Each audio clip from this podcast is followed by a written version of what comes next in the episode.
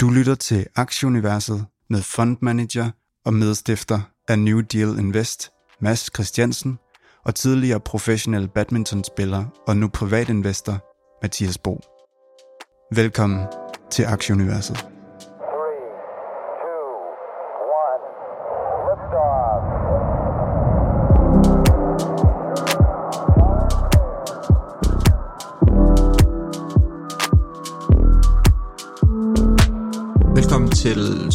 87. 20. udgave af Aktieuniverset. Det er i dag den 27. maj, og vi optager cirka klokken 5 dansk tid.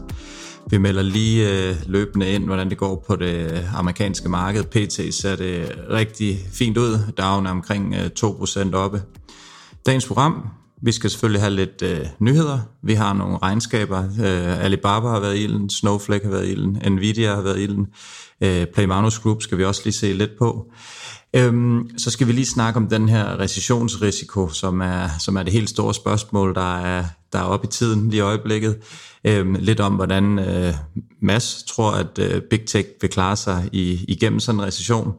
Og så får vi men sanden også besøg af Mikkel Gros Nielsen fra kryptofonden GL21 Capital. Han skal lige prøve at forklare os lidt om den her Luna Gate, kan vi vel godt kalde den. Sagen om den her crackede kryptovaluta, som, øh, som har sat lidt spor i øh, og lidt, lidt risser i, i kryptolakken her på det seneste. Øhm, mens alle de sidder med benene op på havebordet og prøver at fordøje, at øh, det de, øh, de tabte øh, pokalen i går til FC Jylland, så er vi selvfølgelig hoppet i studiet. Øh, Aktieuniverset holder aldrig fri, selvom at øh, andre gør det. Og øh, det er måske en af grundene til, at vi er så heldige at kunne have en samarbejdspartner med i dag til at støtte op om os, og det er streamingtjenesten Seymour. Specialister i de her nordiske serier, og så også øh, masses plus 45 år Christiansens øh, favorite Britbox. Jeg har øh, i ugens Og løb krimier. lige været, og, ja, og, og krimier også. Jeg har i ugens løb sådan lige gået i gang med en, en serie, der hedder Shit's Creek, som jeg har fået anbefalet af min kæreste. Det er mere på, øh, det er, på, det er simpelthen på tvang, som, som man siger, men, men faktisk ikke desto mindre sådan sindssygt sjov, og også lidt relevant i de her aktietider. Det handler om en rig familie, der, der går bankerot, og øh, ja, det kan man jo sagtens relatere til med de her aktiemarkeder. Øhm, de bliver drevet fra deres hjem, og så overtager de øh, driften af et, et motel i en lille flække. Og faren, han bliver spillet af ham, han geniale, der også spillede faren i, uh, i American Pie-filmene. Øh, begge børn, og egentlig også konen, er, er totalt forkælet, så det er sådan ret sjovt setup, uh, at de lige pludselig ender i sådan en rigtig hillbilly uh, town i, i USA, og, og skal tage den derfra.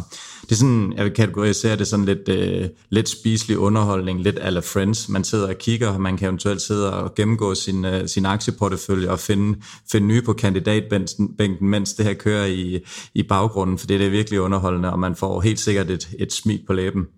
Så jeg kan da kun anbefale, at folk hopper ind på øh, seymour.dk-bestil, og så taster man øh, aktie under rabatkoden, og så får man øh, en måneds gratis underholdning derinde. Og Mads, lad os øh, kigge lidt på indeksene. Indtil videre, øh, ja, må se om vi ikke skal jinx den alt for meget, men har det været en, en, en rigtig fed uge. Øh, S&P'en op over 5%, DAO også over 5%, Nasdaq'en også over 5%, DAX er i 3%, og så i Danmark er vi nede, fordi vi skal holde øh, 88 øh, helligdage i maj måned, så der har været lukket de sidste to dage, som har været rigtig fed i USA. Så der er vi nede en, en procent. Den 10-årige rente i, i USA er også faldet en lille smule for sidste år. Den er i 2, 72 pt. Olien, nogenlunde status quo sidste uge i 113. Øh, BTC'en også nogenlunde stabil i 2900. Øh, og så, øh, hvad hedder det nu, Ethereum har fået et ordentligt gok i nøden. Øh, kæmpe sælger for ligger omkring 1800 her den sidste uge, så det har været hårdt at være eksponeret mod, øh, mod kryptoen. Øh, øh, US dollar krydset over for euroen er i, i, øh, i 0, eller 1,07, så øhm, Jamen, og det er spændende, ikke? Altså, øh, bitcoin, den øh, ligger lige i den her trading range omkring 30.000, og, og sådan da øh, Michael Saylor fra øh, MicroStrategy var ude og sige, at han troede ikke, den kom under 30.000. Jeg tror, 30.000 er sådan et, det er sådan et, et sted der, hvor man lige sådan øh, tænker, hvis den skal ned herfra, så, så tror jeg godt nok, der er nogen, der bliver bekymret øhm, og, og tilsvarende den anden vej. Og så øh, den 10-årige amerikanske rente, når man ser yield-kurven der, jamen, så er der sådan et flot, nu skal jeg se, om jeg kan sige det rigtigt, skulder, hoved, skulder, mønster, som godt kunne tyde sådan på, at, at, øh, at der kunne være en, en trendvending øh, på vej. Så det er, det er spændende. Det her med, at markederne øh, lige tager en optur her, det, det var lidt i kortene. Altså, det var så oversolgt, øh, at, at det var svært at se, at det bare kunne fortsætte nedad i en, i en lige linje.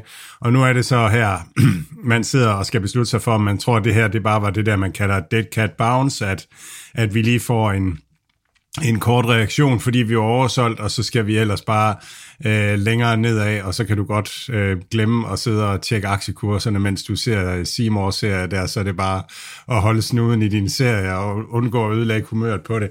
Så det er virkelig, jeg synes virkelig, det er spændende. Der er så mange ting, der strider i alle mulige øh, retninger lige i øjeblikket. Hvis vi lige kigger lidt på nogle af nyhederne lige her, inden vi er gået på, der er de her øh, PCE-tal, øh, det her forbrugerindeks i USA, det er lige blevet offentliggjort, og det var egentlig sådan en ret positiv læsning, og det er også det, der gør, at, at øh, vi stiger i USA. Folk, de har brugt flere skejser i, øh, i april måned, og det, ja, det er som sagt med til at hive, hive de her aktier øh, og indeksene op indtil videre i dag. Lad os håbe, at, at de kan holde momentum.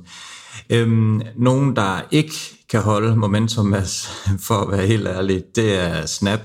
Kanonspændende virksomhed. Øhm, de var ude og nedjustere i, i tirsdags igen, og det, det er simpelthen nok til, selvom at, at Snap er en relativt lille spiller, at det er simpelthen sat rystelser hele vejen ned igennem øh, alt, øh, alt åndet markedsføring. Kan du ikke lige øh, gøre os lidt klogere på det? Jo, altså Snap, Snap var jo ude i, de kom med regnskab for en måned siden, og der, havde, der sagde de, at det gik egentlig okay i april øh, med salg og så videre, og, og så kommer de så her i maj og siger, det går helt af pommeren til, øh, og, vi, øh, og vi nedjusterer. Øhm, og det de så siger, det er, at det er på grund af forsyningskæder og på grund af makroting, inflation og sådan nogle ting, at, at, øh, at, at der er ikke særlig mange, der vil reklamere mere, og det er et udtryk for, at der ikke er gang i, i handlen. Øhm, og, øhm, og, og det er derfor, at, at det bliver ramt så hårdt. Øh, så alt, hvad der hedder reklamer på internettet, bliver ramt hårdt. Øh, Facebook, Roku øh, var også nede der, da, da det kom ud Pinterest øh, og så videre. Øhm, og, så, og så er det jo sådan videre, øh, så er der hele den her recessionssnak, øh, fordi når man ser på efterspørgselen derude, så er den jo virkelig faldende. Øhm, Target og Walmart var ude med deres tal, og, som var virkelig dårlige med salt, og det er til trods for, at der er inflation, så priserne stiger, og alligevel så altså, de, så, så, så, så vokser de ikke ret meget i, i tal. Og, og, øhm, og, der, og inventaret i virksomhederne i, i de her kæder er højt. Altså det vil sige, de har en masse varer, de ikke kan komme af med i, i øjeblikket, som tegn på, at, at, at, at forbruget simpelthen er faldende. Øhm, og, og det, det ender med, øh, hvis forbruget er faldende, det er jo, at man er nødt til at, at, at, at prise tingene ned og, og så videre for at komme af med det. Og så er vi egentlig ude i, at virksomhederne begynder at, at have det rigtig, rigtig dårligt. Øhm, så, så spørgsmålet er, om der kommer en, øhm, om der kommer en recession. Og det, det synes jeg, flere og flere begynder at snakke om, at der gør. Og så er der også flere og flere, der snakker om, at, at Fed måske ikke har tænkt sig at Altså at sige nej tak til en recession, det har vi jo ellers været vant til, at de ligesom gør alt, hvad de kan for at undgå det, men, men nu virker det som om, at, eller der er i hvert fald nogen, der lufter tanken, at at Fed vil prioritere at få efterspørgselen hamret ned, og den bedste måde at gøre det på, det, er, det kan godt være en recession.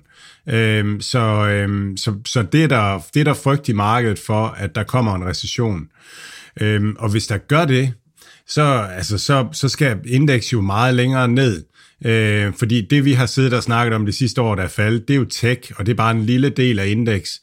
Så mens resten af markedet er, er steget op og så videre, og har kun sat sig øh, de her 20-25 procent øh, nu.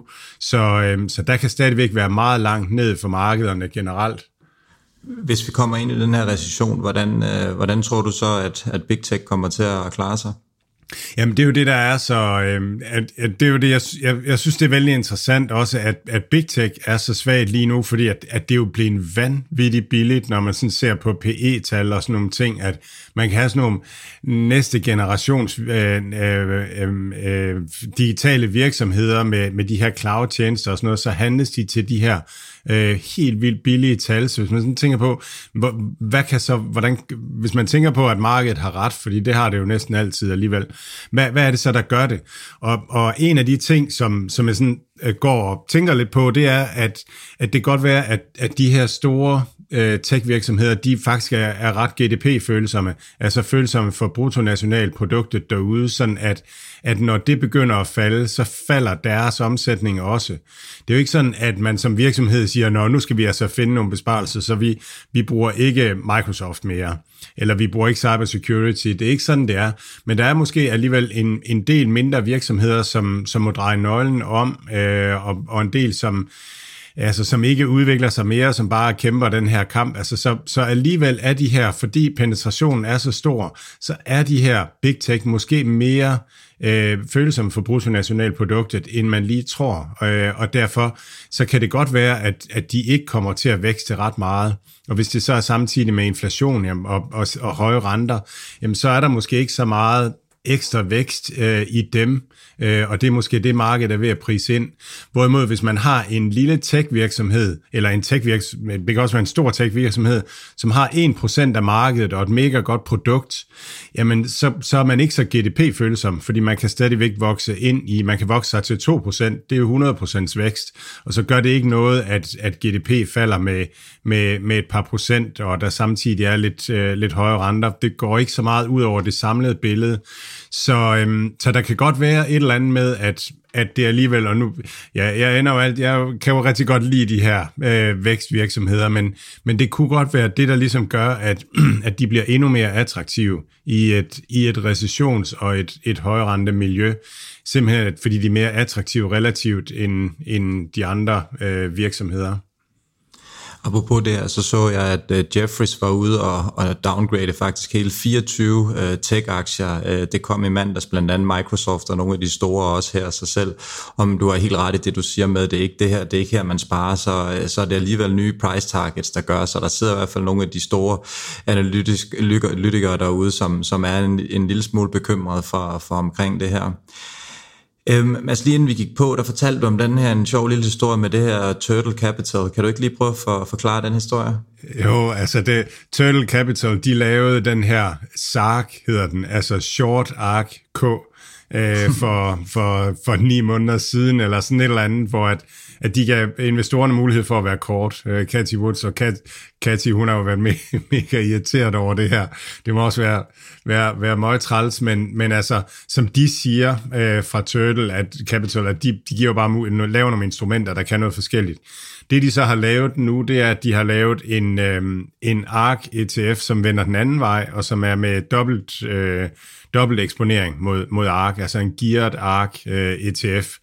Øhm, ja, og, og, og, og det mener de, markedet har brug for nu. Det er, bare, ja, det er jo interessant, at, at nu tænker de, at når de nu ramte rigtigt den ene vej, at det skulle også være sjovt, hvis de ramte rigtigt den anden vej. Jeg tror egentlig, det var øh, nyhederne for, for nu. Øhm, lad os prøve at komme over til, øh, til Mikkel Ros Nielsen øh, fra, for fra GL21 Capital og tale en lille smule om øh, den her Lunagate-skandal.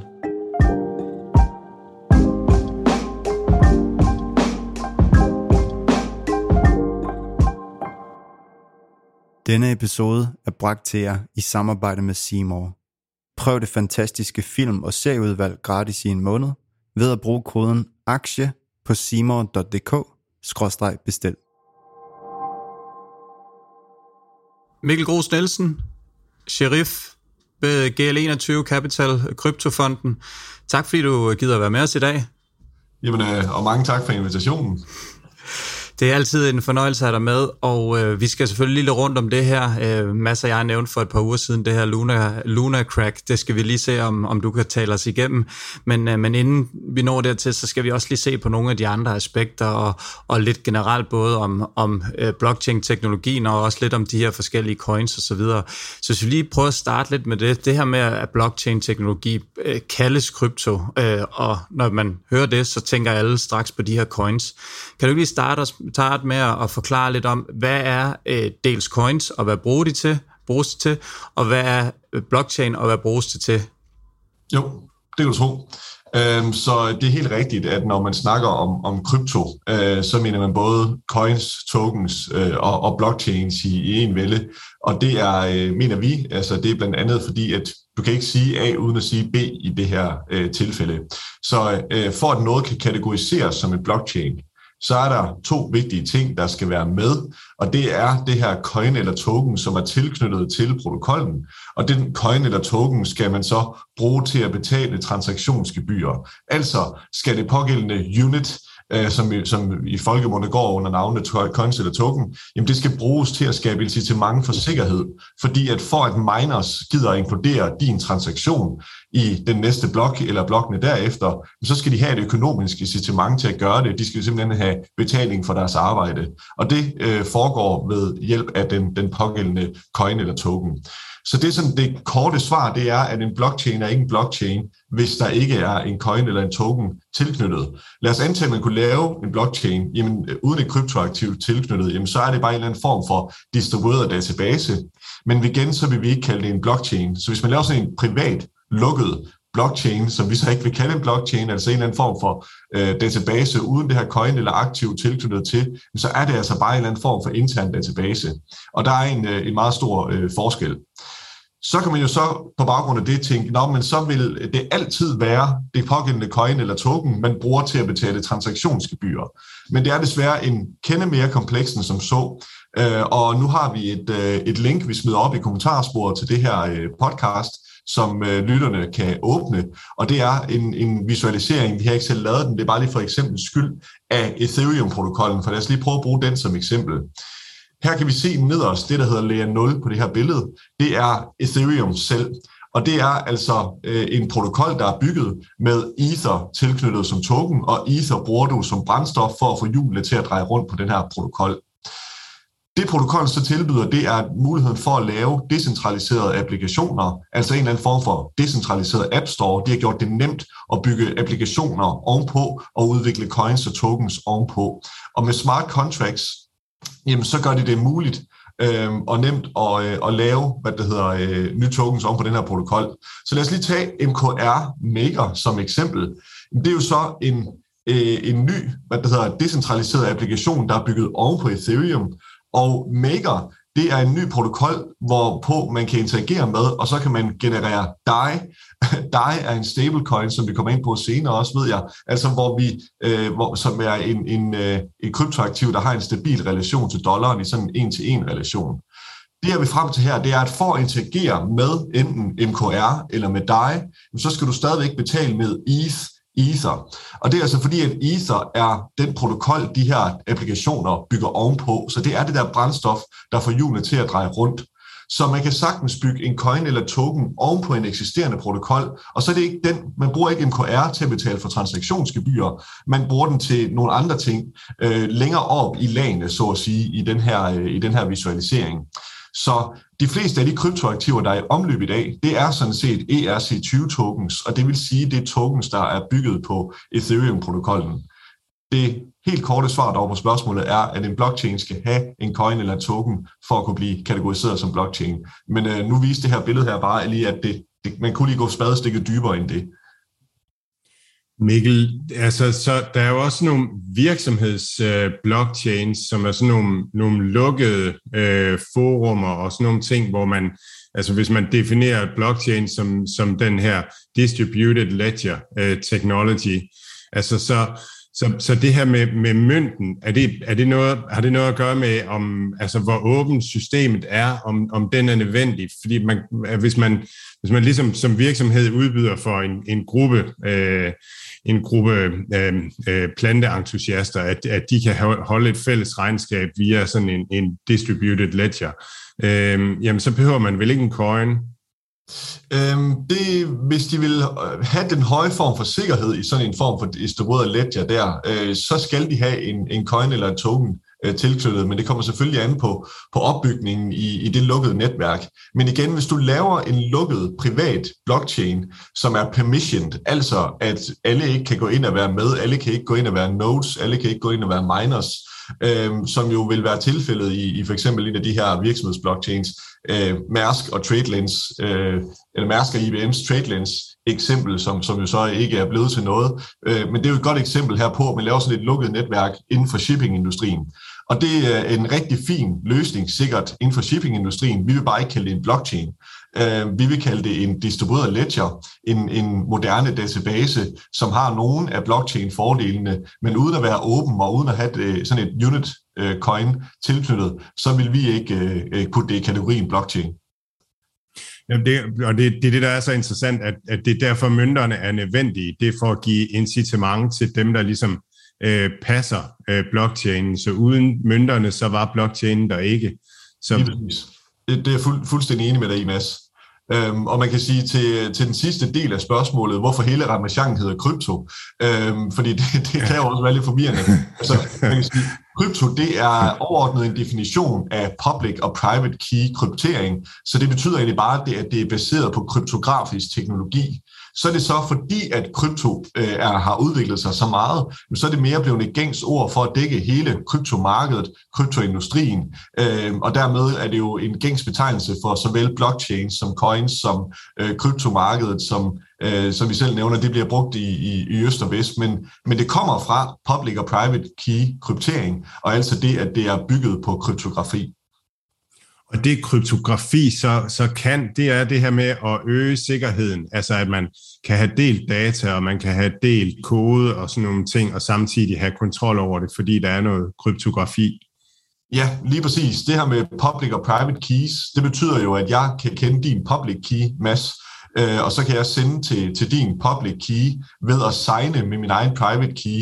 Øh, men du kender aldrig min private key, og jeg kender aldrig din private key. Og det vil sige, at vi har øh, de private nøgler, som, som ligger skjult, og de offentlige nøgler, der ligger frit tilgængeligt.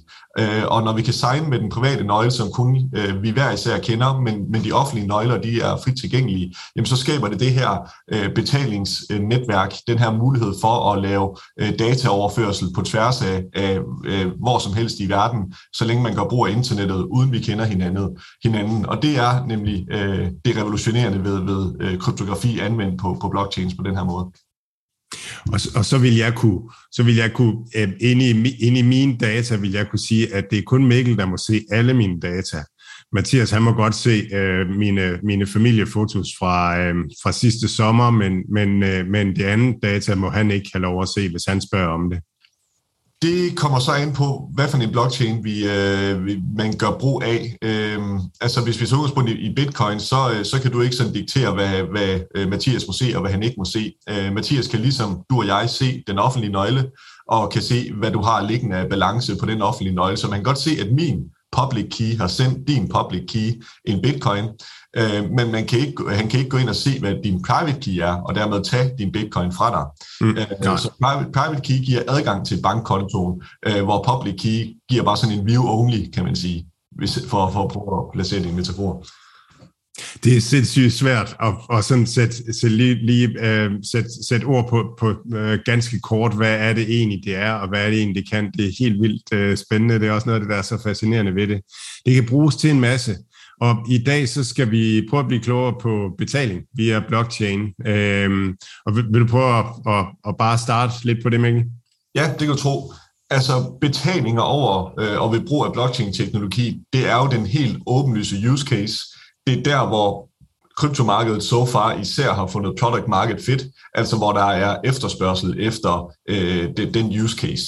Øhm, og det er jo også det, Bitcoin er. Bitcoin er en betalingsprotokol. Det eneste, den protokol, den registrerer, det er afsender, modtager og mængde. Og det vil altså sige, at øhm, ja, at, at det er den første use case og den, den bedste use case for, for krypto. Så der er jo nogle fantastiske besparelsesmuligheder, hvis vi sammenligner med for eksempel udlandsoverførsler. Du kan overføre på få sekunder, hvor som helst i verden, til den samme omkostning, og det er uagtet, hvorhen i verden det sendes. Så, men altså, hvis du vil bruge bitcoin som valuta til en øh, stor transaktion på, på 500 millioner dollars, hvor du så har bitcoins kursudsving, mens at, at transaktionen finder sted, jamen det, øh, det er nok ikke særlig fordelagtigt. Det er der nok ikke en virksomhed, der vil benytte bitcoin til, fordi den er for volatil. Øhm, så, så fordi målet med, øh, med overførselen, det er jo ikke at investere og holde bitcoin på, på lang sigt. Og det her, at de her stablecoins, de bliver interessante, fordi at det er en, et kryptoaktiv, der repræsenterer en dollarværdi i, nu, og nu siger jeg dollar, fordi det som udgangspunkt er dollar, men det kunne lige så godt have været euroen, den danske krone, det kunne være en guldværdi, det kunne være en japansk yen osv. Men pointen her er, at ved at lægge stablecoins ind på de her blockchains, jamen så kan du gøre brug af de øh, revolutionerende teknologiske muligheder, der er for at lave udlandsoverførsler med dollars, Øh, så du har ikke den der kursudsving, der er ved for eksempel at gøre det med, med bitcoin. Øhm, og, øh, og det er der rigtig mange smart contract blockchains, som, som nu har stablecoins på sig, og som du kan bruge til det formål, øh, hvor Ethereum selvfølgelig er den mest oplagte og den største, men Solana og Tron også er, er andre eksempler. Øhm, vi bruger for eksempel i, i GL21, der er nogle af vores leverandører, vi betaler i stablecoins, vi betaler i USDC, altså den her øh, stablecoin, der repræsenterer dollaren, og hvor der hver måned er et revisionshus, øh, der hedder Grant Thornton, ude at revidere, at for hver USDC omløb, der ligger der en dollar i banken, og det vil sige, at der er back øh, opbakket øh, den værdi, som de har på øh, blockchainen, i modsætning til Terra Luna, som vi jo også øh, skal ind på. Øhm, og øh, der kan man jo så sige, er det en decentraliseret øh, kryptoaktiv, når, når de her øh, reelle dollars, de ligger i, i, øh, ved, ved en bagvedliggende virksomhed, der hedder Circle? Øh, nej, det er det ikke. Men det er heller ikke til det formål. Man kan også diskutere om, hvorvidt Solana som protokol er decentraliseret. Men hvis du bare skal bruge det til at sende dollars, så stoler du i forvejen på Circle, der har udbyttet den her stablecoin. Og for os, når vi skal lave en overførsel i det her univers for at betale, så køber vi USDC. Inden for få sekunder, så sender vi de USDC til øh, vores øh, hvad det hedder, leverandører. De modtager det på et sekund, og bum, så er betalingen øh, håndteret. Det går altså uvis hurtigere og markant billigere. Vi overfører herned til øh, 0,00001 dollar eller sådan noget. Øh, markant hurtigere, markant billigere, end hvis vi skulle bruge det, det konventionelle banksystem. Så der er rigtig mange fede eksempler på, på betalings øh, use cases.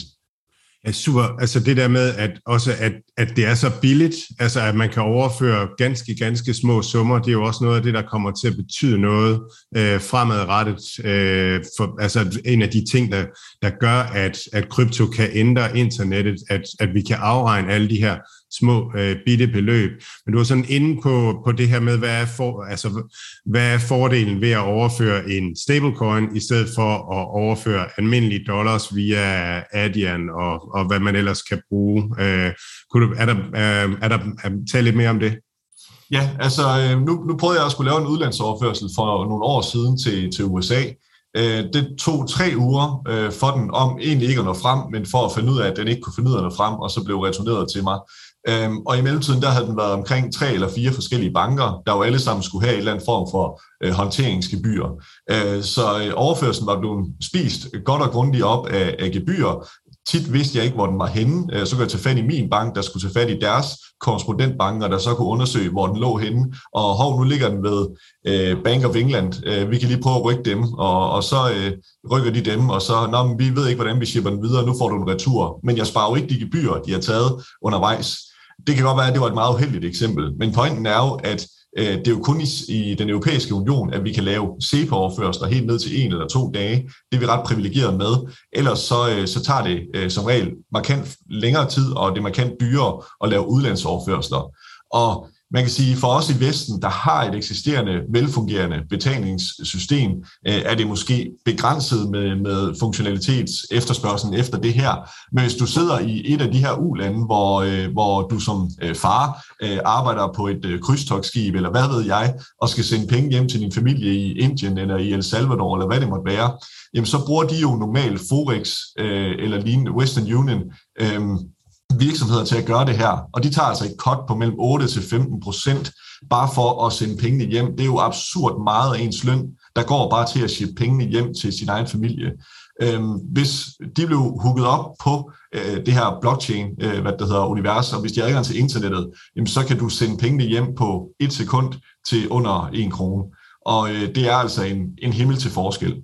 Øh, så der er nogle rigtig høje besparelsesmuligheder, og det er specielt for alle øh, dem i ulandene, som lige nu bliver spist op af de her fordyrende mellemled, øh, at, det, at det kan finde anvendelse. Så, så vi tror på, at det kommer til at øge financial inclusion, altså at gøre spillebrættet og det finansielle system mere lige og mere tilgængeligt for folk i verden, uanset hvor man er født.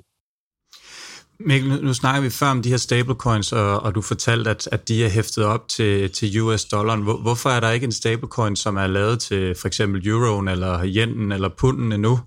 Det er der også.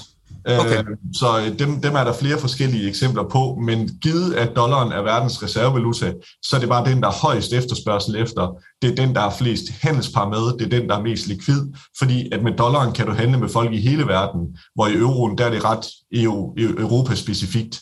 Øh, der er ikke nogen, der sidder i Asien, eller i Sydamerika, eller i Mellemamerika, eller i USA, og tænker, nu vil jeg have euro for at handle med krypto. De vil have dollars. Øhm, så, så der er bestemt stablecoins på, på alt det andet også. Øh, du kan også finde stablecoins, som sagt, der har mål og værdien mod guld. Øhm, altså så du kan få guldeksponering i form af et kryptoaktiv, øh, for, for at bruge det eksempel. Så, så stablecoins er der på, på rigtig mange ting, men det er bare klart dollaren, der er øh, ja, mest udbredt. Den mest kendte af de her er jo selvfølgelig øh, bitcoin. Der skal vi lige tage en lille smule om, og især i det her med betaling af bitcoin, fordi bitcoin-protokollen i sig selv er en, er en lille smule langsom til, til betalinger, som du også har nævnt her. Man prøver at finde nogle forskellige løsninger til det. Vi har det her Lightning uh, Network osv. Kan du ikke lige prøve at forklare lidt om det? Jo, det kan du tro. Altså, øhm, i forhold til at kalde den for langsom til betalinger, det er helt rigtigt, hvis vi snakker sådan dagligdags betalinger, fordi Bitcoin kan på main layer, øh, på det inderste lag, kan den klare syv transaktioner i sekundet. Og det er jo ikke nok øh, til, til at, og at alle os, der skal købe mælk i Føtex, benytter os af, af Bitcoin-protokollen til det. Der, hvor det er interessant, det er, at den, altså, den producerer en blok hver 10. minut, Øhm, og det koster lige nu mellem en halv til to en halv kroner at bruge den. Så hvis du vil lave en stor overførsel, altså ikke bare lige til at købe mælk, jamen så er Bitcoin-protokollen øh, stadigvæk ekstremt attraktiv. Øh, den står for 6-7% af den volumen, altså den aktivitet, der er i det samlede Fedwire-system, som altså er øh, det system, som de amerikanske centralbanker bruger til at lave øh, pengeoverførsler på. Øh, så det er en kæmpe betalingsprotokol i dag. Øh, I 2021 der oversteg den Visas årlige betalingsvolumen med 13,1 billioner dollars, hvor Visa til sammenligning kun havde 10,4. Så altså, det er... Mikkel, er det, er, det, er det kun betalinger, eller er det, er det også handler med bitcoin?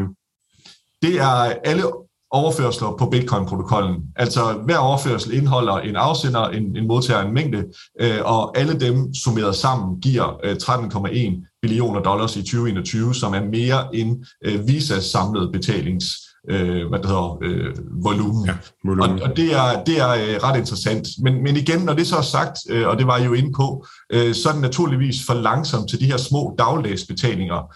Øh, Visa kan klare 40.000 transaktioner i sekundet. Bitcoin kan klare syv transaktioner i dens main layer. Så på det parameter, der er Bitcoin ikke skalerbar nok til at håndtere dagligdagsoverførsler på, på layer 1.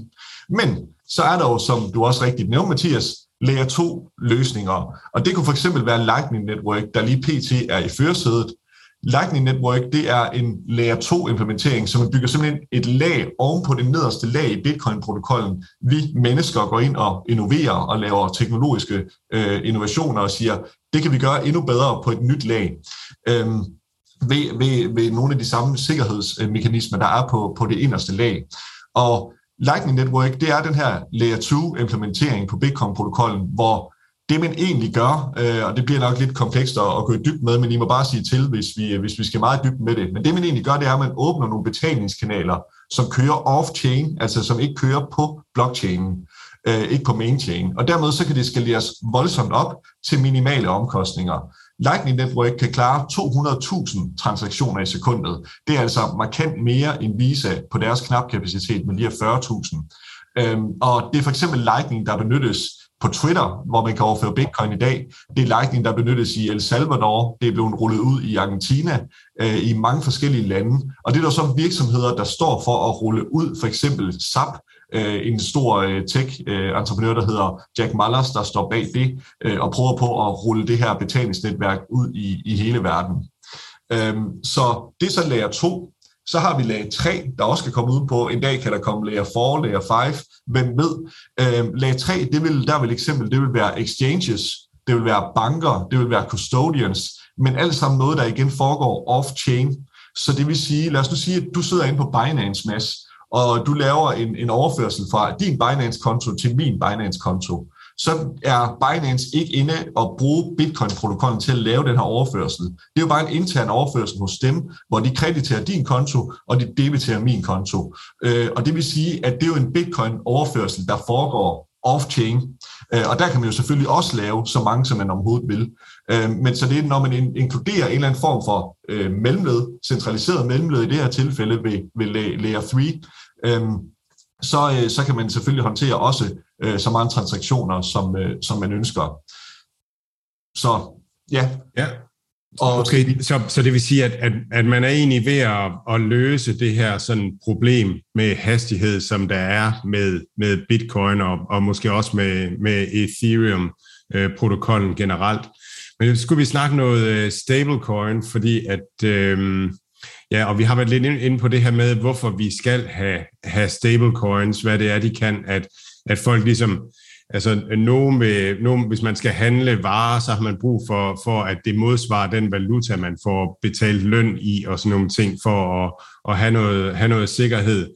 Øh, men kan du ikke prøve at, at fortælle det her Luna, hele den her Luna-historie, hvad, hvad var det, der skete, og hvad er Luna? Jo, det kan du tro. Øhm, jeg vil lige hurtigt afslutte det andet, bare lige med at sige, at øh, når, når vi var inde på øh, bitcoin med, øh, hvad det hedder, overførsler der, stablecoin, som vi skal ind på nu, det kan netop foregå på Ethereum-protokollen, øh, på, på andre smart contract-protokoller, øh, hvor, hvor det er nemt at udvikle de her applikationer ovenpå. Ethereum er ret dyr at interagere med lige nu og lave betalinger på, fordi efterspørgselen er så høj.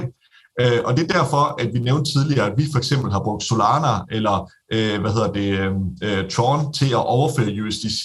Det er bare lige meget vigtigt for mig at pointere over for lytterne, at det betyder ikke, at Solana eller Tron, at vi går ind og siger, at det er gode investeringer. For der er en himmel til forskel fra at benytte en blockchain som transport layer, hvor du laver en hurtig overførsel ind ud, og så at investere i TRX eller i SOL, som de tilknyttede tokens er. Og det er slet ikke det, jeg har været inde og, og, og kommentere på her. Bare lige for, for korens skyld. Mikkel, må jeg lige prøve at spørge om en, en ting, inden vi lige hopper over til Luna, fordi det, det er lidt det, som, øh, som jeg i hvert fald personligt øh, har, har, lidt, har lidt svært ved. Det her med, det er jo ikke så nemt, når man har en, en dansk bank og få overført øh, penge til, til nogle af de her konti, hvor man så kan handle det. Er der sådan, er der sådan rygter om, eller er der nogle løsninger, som gør det lidt mere tilgængeligt at få fat i, i krypto og kunne handle det fordi jeg ved for eksempel, at, at min bank, de vil ikke overføre til Binance. Den er helt blevet, blevet blacklistet ved dem, og, og flere af de andre er også det. Er der, er der nogle smartere måder at gøre det på? Fordi det er jo en lidt kompleks situation, øh, lige pt. i hvert fald. Ja, og der er vi jo desværre i Danmark slaver af, at vores øh, banker er meget konservative, meget risikoaverse, og i modsætning til Tyskland eller USA for nu at, at, at tage hul på, på øh, øh, hvordan øh, nedlukning af, af, et, en ny industri kan have konsekvenser for borgerne i det pågældende land. Øh, det vi desværre laver i Danmark lige nu. Øhm, jeg vil anbefale at prøve at lave en udlandsoverførsel, altså en CEPA-overførsel til FTX. Jeg tror ikke, de er bandlyst den endnu. Øh, nu kan man så diskutere og håbe på, at der ikke er for mange bankfolk, der sidder og lytter med til, til aktieuniverset. Øhm, men, men nej, øh, som mig bekendt, så skal du ind igennem en af de danske kryptoveksler, øh, men de tager også et ret klækkeligt fee for at være mellemled, øh, så, så det har jo også en konsekvens og en omkostning.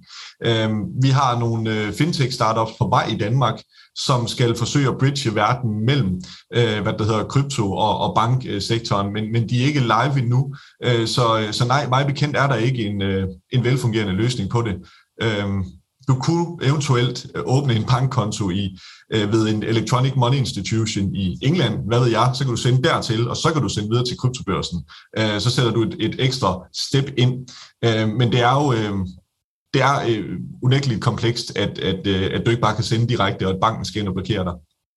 Og det er jo helt vildt, når man, når man, når man så hører regnskaber og hører, hører hvad virksomheder som Mercado Libre, øh, øh Block, som har deres, øh, deres Cash App i USA, øh, Øhm, Robin Hood øh, arbejder med det, Social Finance arbejder med det, den her fuldstændig næsten gebyrfri øh, overgang fra, øh, fra fiat-valuta til, til kryptovaluta og, og tilbage igen, de er så langt med, med den integration i forhold til, hvor vi er i, i Danmark.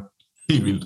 Helt vildt. Øh, og, og når man så ser, at øh, FTX og Binance, det er altså virksomheder, der er værdisat til mange, mange, mange gange danske banks værdi, så at de danske banker sidder i Danmark og siger, at øh, det må vores øh, borgere og vores øh, kunder ikke interagere med, øh, det, det synes jeg er meget, meget beklageligt. Det er meget skidt for, for dansk innovation og vores evne til at være med i førersædet ved new tech-teknologi. Og nu skal det jo ikke være en snak om det, men jeg hørte sådan en, eller jeg kan ikke huske, hvor jeg fik det fra, men, men, men man snakker om det her med, at, at, at kryptoteknologiens big boss Altså, hvis man sammenligner med computerspil, Mario-spil, ender altid med, at man skal, man skal klare ham den store med skjold der. Og, og det, er, det, er de, det, er jo de, det er jo de virksomheder, der ligesom har ikke øh, for, virkelig ikke får glæde af at, at få implementeret øh, krypto, fordi det løser en masse af de problemer, de løser. Og så i øvrigt også altså alle, som, som har, har det bedst med, at, at tingene er centraliseret. Det vil være så stater også og, og ja. organisationer. Yes. Mikkel, lad os prøve at komme over til den her Luna, Luna Gate, hvis, hvis vi kan kalde det det, fordi det var jo noget af det, som, som virkelig rykkede på, på, på kryptomarkederne her for, for et par uger siden. Øh, usikkerhed, der begyndte at brede sig, og om det her nu var så sikkert, som, som vi gerne vil. Så, så prøv lige at tage os igennem helt fra start, hvad det var, der satte i gang i den, i den seneste, seneste bølge nedad her. Det kan du tro. Jeg tror lige, jeg vil øh, hurtigt starte med at diktere eller definere, hvad stablecoins er, og hvilke nogle former for stablecoins vi har, øh, fordi det kan lige være en bred indflyvning til, hvad Luna så, øh, hvad der gik galt her. Øhm, så vi har øh, to former for, for stablecoins, sådan groft set. Øh, der er asset-backed stablecoins, altså hvor der er faktiske aktiver til at understøtte værdien af den her øh, kryptoaktiv, der, der viser en dollarværdi. Lad os bare lige tage udgangspunkt i, i dollaren. Så vi har asset-backed, og så har vi algoritmiske. De asset-backed, de kan blive delt op i øh, fiat-backed, altså hvor der er reel fiat, øh, reel dollar liggende til at understøtte værdien. Det er for eksempel USDT eller USDC, som er de to største stablecoins. Øh, og så har vi crypto-backed stablecoins, så der er stadigvæk en værdi bag, men det er andre kryptoaktiver, der ligger øh, bag øh, for eksempel øh, DAI, som er den her hvad der hedder stablecoin, der, der, der, der kører på MKR, og i øvrigt er lavet af en dansker i sin tid, Rune Christensen. Fantastisk spændende hvad der hedder, projekt. Så har vi de algoritmiske, og det er det Luna, Terra, UST falder under.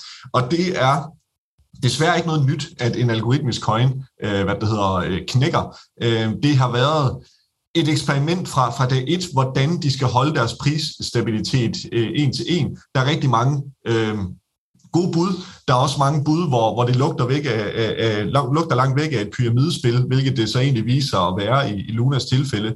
Øhm, og, og derfor skal man jo være meget påpasselig, at når man går ud og siger, nå, jamen nu køber jeg UST, for jeg vil øh, interagere med øh, øh, en eller anden protokol og få noget afkast. Men hvis du ikke forstår, at UST er baseret som et algoritmisk stablecoin, og det har højere risiko, vil jeg i hvert fald mene, end USDC eller USDT, jamen Øh, så, øh, så, så løber du en stor risiko, du ikke er bekendt med. Og det er jo nok det, der er sket for mange i det her tilfælde.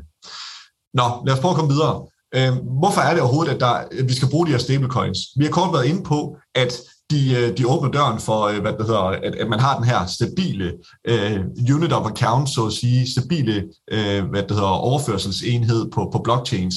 Men det, der er endnu mere spændende, det er, at de åbner døren for decentraliseret finans, som altså bliver forkortet DeFi. Øhm, der er en kæmpe efterspørgsel efter dollars globalt set. Hvis vi lige ser på U-lande som Argentina, der er over 50% i inflation, øh, der kan du altså hæve dollars i USA og tage ned til Argentina og sælge dem til en kæmpe præmie, fordi at øh, de ønsker ikke at have pesoen, de vil gerne have dollaren. Nu kan de gå på internettet, og så kan de få en værdi, der afspejler dollar, eller et, et øh, aktiv, der afspejler dollarens værdi. Øh, og, og det gør jo, at der er en, en, en kæmpe efterspørgsel efter dollars med det makroøkonomiske klima, der er lige nu. Så når du kan få adgang på internettet til dollars, selvom du ikke har adgang til det traditionelle banksystem, jamen så, øh, så åbner det jo døren for, for en, en høj efterspørgsel. Og det har vi set tydeligt, hvis vi kigger på efterspørgselen siden januar 2020. Her smider vi igen nogle links op til, til lytterne. Øhm, og der, øh, der, der er markedet cap, altså størrelsen af markedet for stablecoins, det er altså gået fra januar 2020 på 5 milliarder dollars til i dag at være mere end 163 milliarder dollars. Så det er fuldstændig eksploderet, det her stablecoin-segment. Og øhm, Mikkel, er de, er de så dollar-backed, de der, øh, du taler om der? Øhm, stor del af dem er, øh, men, men nej, ikke alle sammen. Man kan sige, ud af de øh, 163 øh, milliarder dollars, der står øh, Tether USDT, som er dollar-backed, den står for 73,3. USDC, som er dollar-backed, står for øh, Øh, 53,2 øh, af de her milliarder dollars. Øh, så kommer DAI, som var den her kryptobagt, den har en værdi på 6,1 milliarder dollars. Øhm, og øh, hvad hedder det? Så, så klart størstedelen er backed af noget, øh, nogen af, af krypto, men det er altså over en kamp alle stablecoins, alle de her projekter. Og det har selvfølgelig taget et dygt det her og været næsten øh, haft markant mere i værdi øh, dengang, hvor, hvor øh, Terra og Luna øh, var med, fordi de, det er jo lige 60 milliarder dollars, der er forsvundet fra markedet øh, nærmest fra, fra en uge til en anden. Og, og det kan vi så lige gå dybt med nu, hvad det var, der skete der. Men det er jo sindssygt interessant, fordi det, det, øh, det, det fjerner jo centralbankernes regulering eller mulighed for at påvirke øh, hvad skal man sige, påvirke valutakrydsene internt, så bliver det ren udbud og efterspørgsel, hvis man har sådan nogle digitale omfartsveje, hvor, hvor pengene kan, kan flyve den ene vej og den anden vej. Altså det er klart, at, at, øh, at den argentinske, jeg ved ikke, hvad den hedder, den, den, den er der jo ingen, der vil have. Altså alle vil jo have dollars i stedet for. Ja. Så efterspørgselen på dollars øh, kommer til at nærme sig den, den, den naturlige efterspørgsel, hvis ikke man havde geografiske øh, barriere på en eller anden måde. Lige nøjagtigt. Og det er jo det, der er så spændende. Vi kan i Danmark godt få adgang til dollars. Vi kan bare gå ned og veksle til en færre kurs nede ved Danske Bank. Men, men det er nemt at sidde i Danmark og sige, så der er ikke behov for det her, når, når vi har øh, så mange folk øh, globalt set, som ikke har adgang til det samme finansielle muligheder, som vi har. Og nu kan de gå på internettet og få lignende muligheder. Og det er altså ganske, ganske revolutionerende, og noget, øh, som bliver et, et positivt gode for hele menneskeheden, er, er jeg i hvert fald overbevist om. Øhm, hvis man, det er ikke sikkert, at centralbankerne synes det samme, eller hvad? Nej, nej, og det er heller ikke sikkert, at alle i Danmark vil synes det samme, fordi vi har jo et privilegie i at være født i Danmark, men hvis man lige ser ud over egen næsetip, øh, så, så er det altså at, at øge øh, hvad det hedder, mulighederne og gøre det mere færre spillebræt globalt set, også for de folk, der måske kun har 100 dollar om måneden og, og, og rode med. Hvorfor skal de ikke også have mulighed for at lægge deres pesos, der er ramt af 50% årlig inflation, lægge det over i dollaren, lægge det i andre aktiver og investere det i guld? Hvorfor skal de ikke have samme muligheder, som vi har? Okay, men hvad skete der så med Luna? Det var, det var sådan en algoritmisk øh, stablecoin. Yes, så det er en kende komplekst, øh, så øh, vi, vi, vi prøver at hoppe der ud af, øh, og så må jeg jo lige spørge ind undervejs, hvis, hvis kæden hopper af. For, for ja, det er lidt komplekst. Men Luna er som udgangspunkt, det hedder egentlig Terra, og det er et, et kryptoprojekt, hvis formål er at have en algoritmisk stablecoin. Så der, øh, vi har været inde på de forskellige. Øh, der er to tokens tilknyttet Terra-universet. Øh, der er Luna, L-U-N-A, som fungerer som en slags aktie. Den har en flydende værdi, øh, i, øh, og, og som er målt op på, på projektet. Og så har vi UST, som er selve produktet, og det er altså den her stablecoin. Så det store spørgsmål er jo så, hvordan holder UST sin pris stabil over for dollaren? Og det gør den ud fra sådan en lidt komplekst, øh, kompleks mindre end bøn-funktion. Fordi man kan altid gå ud og sige, øh, jeg brænder Luna tokens og får en tilsvarende værdi i UST. Så lad os lige tage det simple eksempel, at Lunas kurs er 5 dollar, og jeg brænder to Luna, jamen så kan jeg få 10 UST udbetalt. Og det betyder jo, at øh, jo højere efterspørgselen er på UST som stablecoin, jo flere der vil købe den, jo højere købspres kommer der på Luna, øh, fordi de løbende bliver brændt for at skabe UST. Så måden UST bliver skabt på, det er ved at øh, brænde Luna fra supply, og når du brænder nogen, og de forsvinder, så skaber det jo alt andet lige en stigende pris på selve det token, der hedder Luna. Og det skaber sådan en positiv spiral, øh, og det er så det, der har vist sig egentlig at være en, en form for pyramidespil, øh, fordi at, hvad sker der så, når, når, når det går den anden vej, og det så vi jo så øh, med al tydelighed her øh, på det seneste. Nå, vi er ikke helt i mål, fordi det er stadigvæk lidt mere komplekst end som så. Det, der er med for at holde prisen stabil, det er, at bagved det her projekt, der ligger der en non-profit forening, der hedder Luna Foundation Guard. Luna Foundation Guard, de øh, solgte for en tre ugers tid siden mere end 1 milliard Luna tokens til en række af de største investeringsselskaber i, øh, i industrien. Deres formål det var at opbygge en stabil pengetank til at beskytte UST fremadrettet. Så hvis den skulle falde under 1 dollar i værdi, jamen så kunne de gå ind og øh, back den op ved at sælge nogle andre aktiver. PT, der har deres eneste mulighed, den eneste øh, hvad det hedder, øh, værktøj, de har haft i, i værktøjskassen, det har været at øh, brænde øh, Luna, eller hvad det hedder, øh, købe, altså købe eller sælge Luna tokens. Så de har bygget den her pengetank op, primært ved at købe bitcoin, og der købte de for mere end 3,2 milliarder dollars, det er altså mange penge, som de investerer i bitcoin til en kurs på mere end 40.000 dollar per bitcoin. Og det gjorde de over den seneste halvanden måneds tid. Så skete der så det, øh, at der kom et, et kæmpe salg. Det er stadigvæk meget øh, rygter, hvad der helt præcis skete, og, og nu skal vi jo passe på at stå her i et podcast og referere rygter, men der synes i hvert fald, øh, det, det virkede til at være et ret koordineret angreb fra nogle af de her store investeringsselskaber, øh, fordi at de netop så den her, øh, altså kunne se, at det ikke hang sammen, øh, kunne se, at det i bund og grund var et, et pyramidespil, og at de kunne, øh, de kunne tjene penge på at, at lægge det ned ved at shorte Luna, øh, eller, eller ved at, hvad hedder det, som de gjorde i det her tilfælde, og sætte et kæmpe salg af UST og Luna tokens til salg hen over en weekend. Det satte prisen på UST under pres, så først så faldt den til 0,98 dollar. Det er ikke godt. Den skal jo være på en, en stabil kurs på 1 dollar. Og det skaber så et, et bank run, fordi alle vil trække deres penge ud. Øhm, og hvis de ikke kan nå at få prisen op tilbage på, på 1 dollar, så kan man jo sidde, hvad hedder det, øh, så kan man jo sidde som, som holder af UST og sige, godt, hvad vil jeg gøre nu? Vil jeg sælge på det frie marked til 0,98 dollar, det vil sige tabe 2%, eller vil jeg sælge min UST til Luna? Øh, fordi jeg, jeg har jo garanteret, at jeg altid kan få svarende til 1 dollar værdi i Luna. Og øh, der vil man jo selvfølgelig vælge, vælge sidstnævnte, og det er der rigtig mange, der gjorde. Og det skaber også sådan et bankrun, lige pludselig sådan en negativ dødsspiral på Luna-tokenet. Og, øh, og øh, de fik simpelthen ikke holdt den her PEG, altså den her prisstabilitet, op.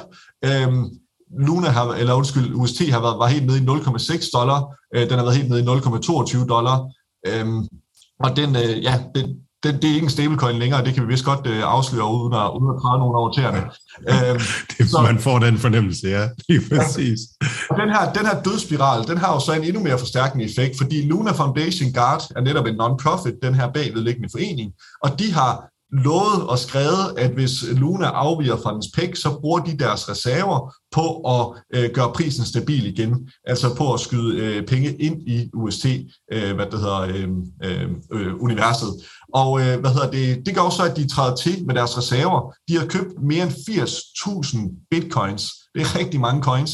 Øh, det har de købt til kurs mere end 40.000 dollar. Og nu fordi at deres projekt kommer under pres, så er de blevet tvunget til at sælge hele lortet igen, og det gjorde de så i en kurs mellem 33 og 29.000 dollar, og det gjorde et kæmpe salgspres på hele kryptomarkedet, fordi der nu er 80.000 coins, der bare bliver markeddummet, som det hedder, de bliver bare øh, dumpet på markedet, øh, og, øh, og så må, må køberne ellers prøve at, at følge med. Og det er det, der har trukket hele markedet ned, hele kryptomarkedet ned. Øhm, Luna og UST havde en samlet værdi på mere end 60 milliarder dollars, da de var på deres højeste og så går de i nul på mindre end en uge. Øh, det er jo værre end Lehman Brothers, da de gik konkurs. De havde en værdi på 47 milliarder dollars.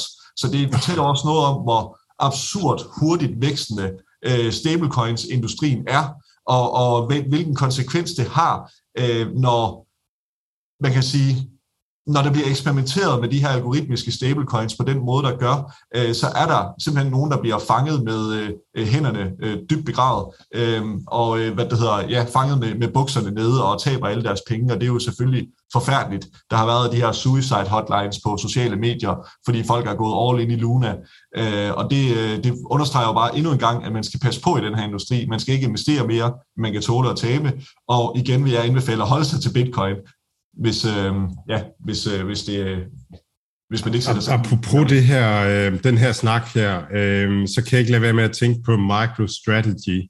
Øh, jeg, jeg, jeg mener, det er, det er i hvert fald et, en, en vis procentdel af den samlede bitcoin-masse, som MicroStrategy har. Og de er gearet, og jeg har hørt rygter om, at, at hvis, hvis bitcoin kommer ned i 21.000, så er de nødt til at, at lukke. Øh, er det noget, har du, er nu, det er sådan et spørgsmål ind for højre, og du må undskylde, hvis jeg tager dig med, med bukserne nede, du har, har nydelig jakke på, og så videre, så, så øh, men jeg ved ikke, hvordan det ser ud nede under kamera. Nej, men, men, men er det, altså, hvordan, hvordan tænker du, uh, har I, tænker du på, på MicroStrategy, og, og som, som noget, der betyder noget, nu vi taler om de her, alle de her bitcoins, der røg ud i forbindelse med Luna her? Ja, det er klart, hvis øh, MicroStrategy de øh, blev likvideret og var nødt til at afhente deres aktiver til, øh, til markedsprisen, øh, så vil det jo skabe endnu et salgspres af deres 100, lidt over 100.000, eller hvad de har liggende af, af bitcoins. Øh, så, så, så ja, det ville øh, selvfølgelig være et problem. Jeg, jeg tror nok ikke, vi når dertil, og jeg tror, at Michael Saylor vil sørge for at fylde på øh, altså, øh, og, og dække sig af, inden at, øh, inden at prisen eventuelt skulle ned i det prisleje, hvilket jeg så også er, er skeptisk overfor, men det, det må tiden jo selvfølgelig vise. Øh, jeg tror ikke på, at, at Michael, Michael Saylor eller MicroStrategy bliver likvideret, men det er klart, når du giver dig selv, øh, så er der jo den risiko. Der er jo ikke noget i verden, der er, der er gratis. Lige, jeg kan heller ikke lade være med at tænke, at han må, han må simpelthen have, altså så dum kan man ikke være. Altså at bare, bare sidde og, og satse på at holde fast i bordkanten, og så satse på, at det går. Ja, og lige det sidste i forhold til det her, øh, Luna, jeg lige vil lige fornævnt, fordi at øh, det, det er noget, man ikke kunne, kunne nå dybt med, for eksempel i, i andre medier, hvor det ikke er en podcast. Det er så, at der har været sådan en anchor-protokol, der er sådan en, en låneprotokol, en DeFi-protokol, der er bygget uden øh, ovenpå, og det er, at man kan låse sin UST i Anchor og få 19% om året for det. Øhm, så TIA Foundation, de solgte Luna for UST, de gav de her UST til Anker, og de UST, de gik så til at blive udbetalt til folk, der låser deres UST i Anker og får 19% om året for det. Og det er det supercharger hele pyramidespillet, fordi det skaber et incitament til at købe og holde UST, og få 19% om året på lige tænk over det, bare for at have en dollar øh, liggende et sted, så kan du få 19% om året for det. Det lyder jo for godt til at være sandt, og det var det så sandelig også. Fordi det er jo så det, der sker igen, når det bliver vendt mod dem. Jamen så, øh, når de supercharger et pyramidespil på den måde, så vil luften jo gå ud af ballonen før eller siden, og så skaber det det her bankrun i den anden retning. Øhm, så, øhm, så det var, det var kort fortalt det, der skete med, med, øh, med Luna. Jeg, jeg kan ikke lade være at, at tænke på det her med, selvom man interesserer sig en del for det, det er jo det her med, er det galt øh, eller, eller, eller genialt det her, og det, er jo, og det er jo også det, der det forvirrer folk tror jeg, der sidder derude også, fordi man hører selvfølgelig de her skrækhistorier, man hører også de positive historier med, at, at bitcoin er øh, ja, mange, mange, mange gange ekstra siden, at, at det startede, og de her, alle de her øh, kryptomillionærer og milliardærer, der er kommet på baggrund af det her. Øhm, hvis man sådan sidder derude og, og lytter til det her og forstår noget af præmissen om det, og du var inde på det her med, at, at så skal man måske prøve at holde sig til, til bitcoin. Har du en eller anden har du et eller andet godt råd, at, at, at, at sådan ligesom man, man sådan give videre i stedet for, hvad det her med, at du sagde, at du nu lyder 19 procent, det er for godt til at være sandt, det ved alle, der interesserer sig lidt for, for, for finans og sådan nogle ting, at du får ikke en, en rente på, på 19 procent nogle steder, mindre der er en kæmpe risiko involveret. Når folk sidder derude og hører de her ting her, øhm, er der så en eller anden ting, som du tænker, ved du hvad, det, det skal man lige have med ud over, øh, som, som du også nævnte, det her med, at man aldrig skal investere mere, end man har råd til at, at tabe? Ja, altså øh, de er helt oplagte, og det har du lige nævnt. Ikke investere mere, end du kan tåle at tabe. Øh, hvis man ikke har tid, lyst eller energi, øh, eller de tekniske kompetencer for den sags skyld, til at sætte sig ind i det her komplekse, komplekse univers, så hold dig til, til Bitcoin, øh, eventuelt lidt Ethereum, øh, men, men der er altså også mange konkurrenter til, til det Ethereum vil, så, så den er bestemt også risikabel. Det er Bitcoin selvfølgelig også.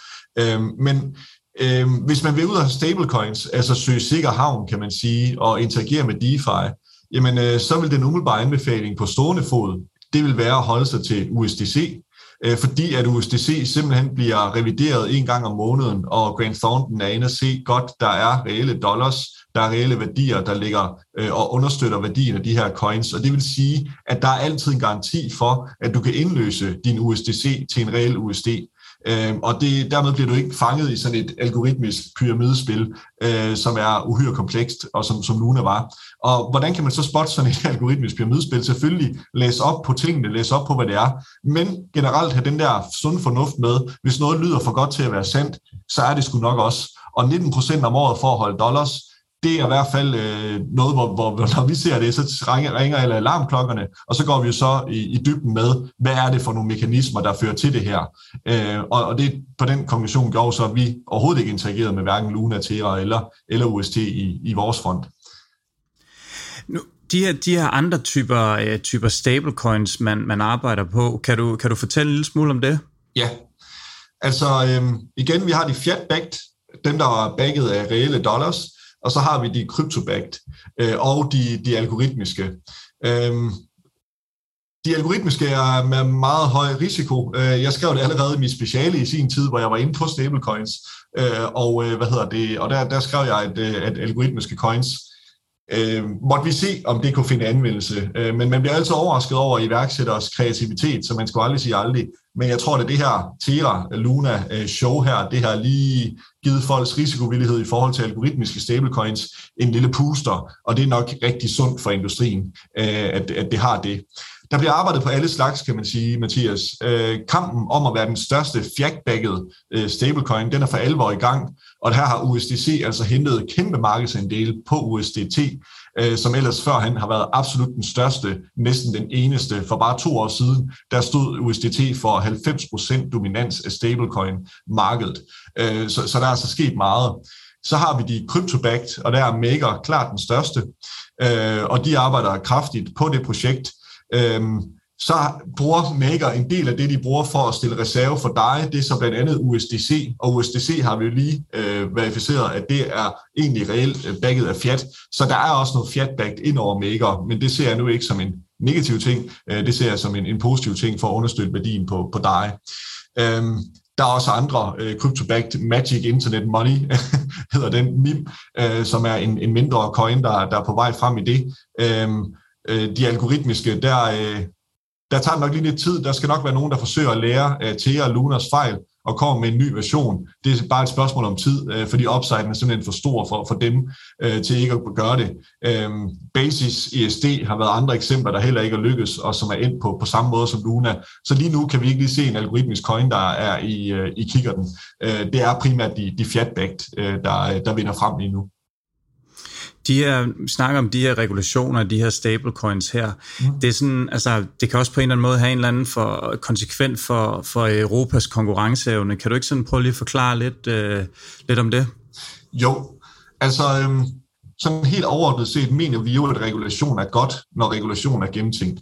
Øhm, regulation har jo rigtig, rigtig mange delaspekter. Øhm, da vi skulle lave vores fond i Danmark, der manglede vi øh, regulation, vi manglede klare øh, rammer, øh, retningslinjer, øh, fordi der er forskellige lovgivninger, du skal tilfredsstille, som ikke har taget stilling til krypto. Øh, så iværksættere generelt har jo behov for, for velfungerende regulation for at kunne navigere.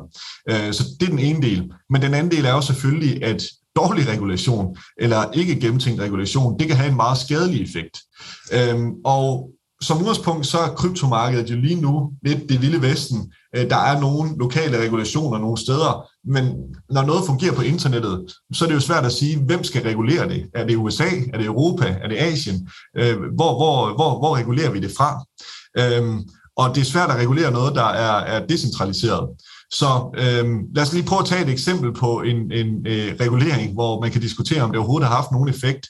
Altså det største scam nogensinde i krypto, øh, vil vi kalde det, det har været EOS, EOS øh, som var et mega hyped projekt tilbage i 2017-2018. De har øh, samlet mere end 4 milliarder dollars, der er blevet investeret i EOS, øh, til et privat firma, der ligger bagved, der hedder Block One.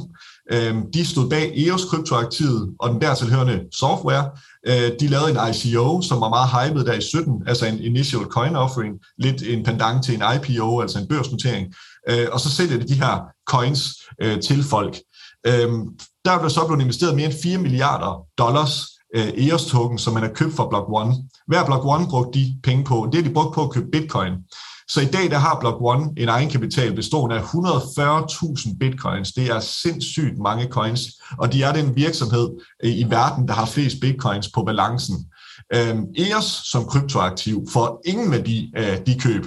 Tværtimod så er den nede med 94 procent siden sit øh, højeste øh, prispunkt for fire år siden.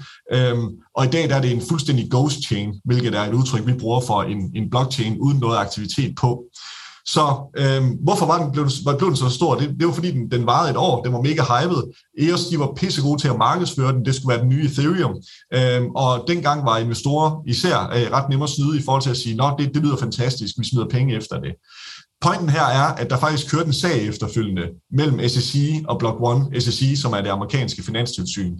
Og de endte faktisk med at indgå et forlig, hvor Block One de skulle betale 24 millioner dollars i straf for at indsamle 4 milliarder dollars. Så det vil sige, at deres bøde for at gøre det her, det her kæmpe rock pool, som det jo i bund og grund er, det er sgu et scam, når, når, når du kommer med et produkt og ikke leverer på noget som helst, og øh, der ikke er nogen der er ikke noget revolutionerende teknologi i produktet. Du, du får bare folk til at smide penge efter det. Øhm, hvor alting er, de betaler 0,5% for nu at være den virksomhed i verden, der indsamler flest bitcoins. Det er bare et eksempel på, at det er svært at regulere. Det er mega svært, fordi selv her, hvor SEC så går ind og straffer dem, jamen så øh, er det økonomiske incitament, hvis du spekulerer i hver kriminel, det er jo alt, alt, alt for stort til ikke at, at forfølge det. Øhm, så så det, det er virkelig svært, det her med et globalt fænomen, der skal, der skal reguleres. Øhm, hvordan skal man gøre det i praksis? Skal man gå ind og sige, man må ikke udstede tokens? Øh, det har også en konsekvens, for det gør jo, at gode projekter heller ikke kan få lov at, at, at, at blive lavet. Øhm, og igen, hvordan vil du forhindre folk i at gøre det? For det foregår på internettet. Øhm, så, øh, så øh, vi er jo ikke eksperter på regulering overhovedet, men, men vi ser der en masse spørgsmål. Hvordan skal det koordineres? Øh, hvad vil det indebære? Lad os sige her ved øh, stablecoins, det oplagte efter Luna fasen det vil jo nok være at sige, det er kun fiat-backed, eller i hvert fald crypto-backed, det er kun uh, collateralized stablecoins, som det hedder, uh, stablecoins, der er backet af en reel værdi af noget, der må eksistere. Okay, jamen så lukker vi ned for det i Europa med Christine Lagarde eller med IMF, eller er det SEC, eller er det øh, øh, Fed, der lukker ned for det? Og hvad så med Asien? Fordi så er der jo bare nogen, der laver projektet der, øh, ligesom det jo var tilfældet med Luna. Øhm, så når noget ligger på internettet, så er det meget, meget svært at regulere, med mindre at hele verden bliver enige om et eller andet regelsæt, og det, øh, det er vi nok svært ved at se øh, ske i, i, i praksis. Jeg så også her i forbindelse med det her Luna-crash øh, her, at Janet, Len, uh, Janet Yellen, uh, medlem af Fed, hun var også ude at sige, at der skal ske reguleringer. Du, du hører typisk det her ord reguleringer omkring det, og det får selvfølgelig, når der er nogle af de her magtfulde mennesker, der, der gør det, det kan du selvfølgelig se på bitcoin-kursen. Men som du helt rigtigt beskriver her, det er meget, meget svært at finde ud af, hvad de reguleringer skal være, fordi et, de fleste af de her beslutningsmakere, de, de forstår rigtig, faktisk ikke, hvad det er. De har selvfølgelig nok nogen i deres bagland, som, som kan forklare dem det og fortælle, hvad det er, de skal gøre. Men helt præcis, hvordan man skal definere de her reguleringer, og, og hvordan man skal regulere det. Man kan selvfølgelig bande det, og så kan man sige, at så er bitcoin nok ikke det samme værd, hvis USA går ind og siger, at det bliver forbudt at, at eje bitcoin, øh, både øh, øh hvad det nu, på, på en privat key og en offentlig key, fuldstændig ulovligt, så, så er det klart, at så falder værdien. Men, men det, er jo, det er jo ligesom også en, en del af demokratiet, at man, man lidt ligesom må, må, må, må gøre, som man vil inden for, for sådan nogle ting i hvert fald. Så, så ordet regulering, det hører vi meget ofte, det er bare ikke specielt konkret konkret, som du også beskriver her, og det er jo netop fordi, at jamen, hvordan skal man gøre det, og hvem skal gøre det? Ja, øh, og det er nemlig det gode spørgsmål. Og igen, god regulering er jo, er jo positivt, øh, men vi ser for eksempel i Europa, du stiller selv spørgsmålet om, øh, om det kunne have en, en skadelig effekt for, for konkurrenceevnen. Altså her der er det jo oplagt at kigge tilbage på, da internettet vandt frem, at øh, der var Europa markant mere fjendtligt indstillet over for internettet i sine spæde øh, stadier, og det gjorde ultimativt, at alle tech-giganterne i dag, de ligger i USA eller i Asien. Vi har ikke nogen af dem i Europa. Det giver Europa mindre magt.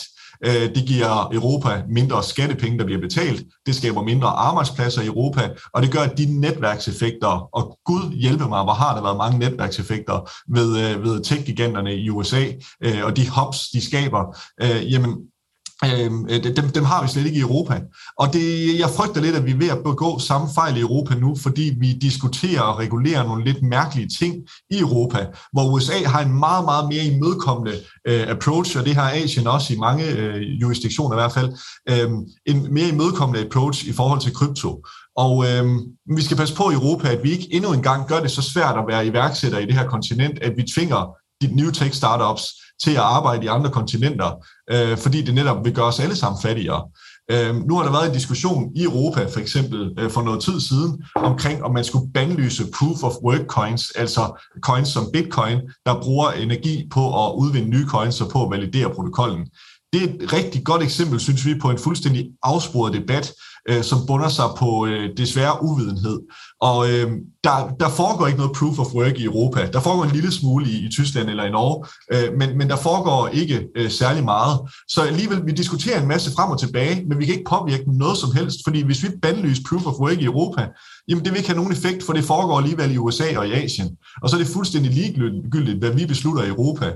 Øhm, og, og hele den forståelse af, øhm, hvad, hvad dårlig regulering, øh, og igen, jeg skal ikke sidde og gøre dommer af, hvad der er godt og dårligt, men, men der er i hvert fald nogle øh, forslag, der er mere gennemtænkte end andre, og, og forslag, der ikke er så gennemtænkte, jamen det, øh, det kan sætte en stopper for, det kan ikke, altså Europa kan ikke sætte stop krypto, men, men, men det kan stoppe, hvorvidt Europa skal være en del af den her teknologiske transformation, øh, der hedder krypto. Øh, og, og hvis vi ikke skal det, så er det jo til alle i Europas konsekvens, ligesom det var med øh, internettet. Så vi håber på, at Europa virkelig får et gennemtænkt regelsæt, der er positivt, fordi det skaber klare rammer for iværksættere, øh, hvor, hvor dårlige regler, det dræber innovation og skubber det, det andet sted hen.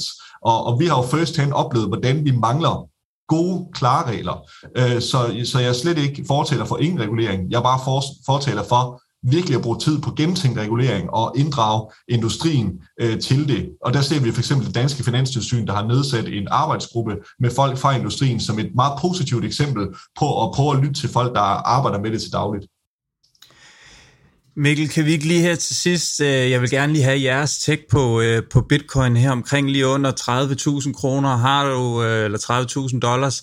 Har du, øh, har du en idé om, hvor vi skal hen sådan på, på, på kort sigt herfra? Ja, det er jo altid et godt spørgsmål øh, med, med de her kortsigtede øh, estimeringer. Vi, vi arbejder selv med en, med en mere langsigtet approach, men der er jo ingen tvivl om, at det her Luna Crash, det har ligesom fået bitcoin ned i den her 30.000 dollars region. Øh, lige nu ligger vi med support her omkring de 29 og resistance omkring de, de 31, øh, og øh, altså sådan ud fra, fra kan man sige, teknisk analyse. Og lige nu løber bitcoin mellem de her to priszoner, og det spændende bliver jo, hvis den bryder ned igennem 29, øh, hvor langt skal man så ned? Øh, og hvis den bryder op over, øh, jamen øh, vender vi så igen? Kan vi starte den her dekobling fra øh, øh, øh koalition til aktiemarkederne, som der er i øjeblikket?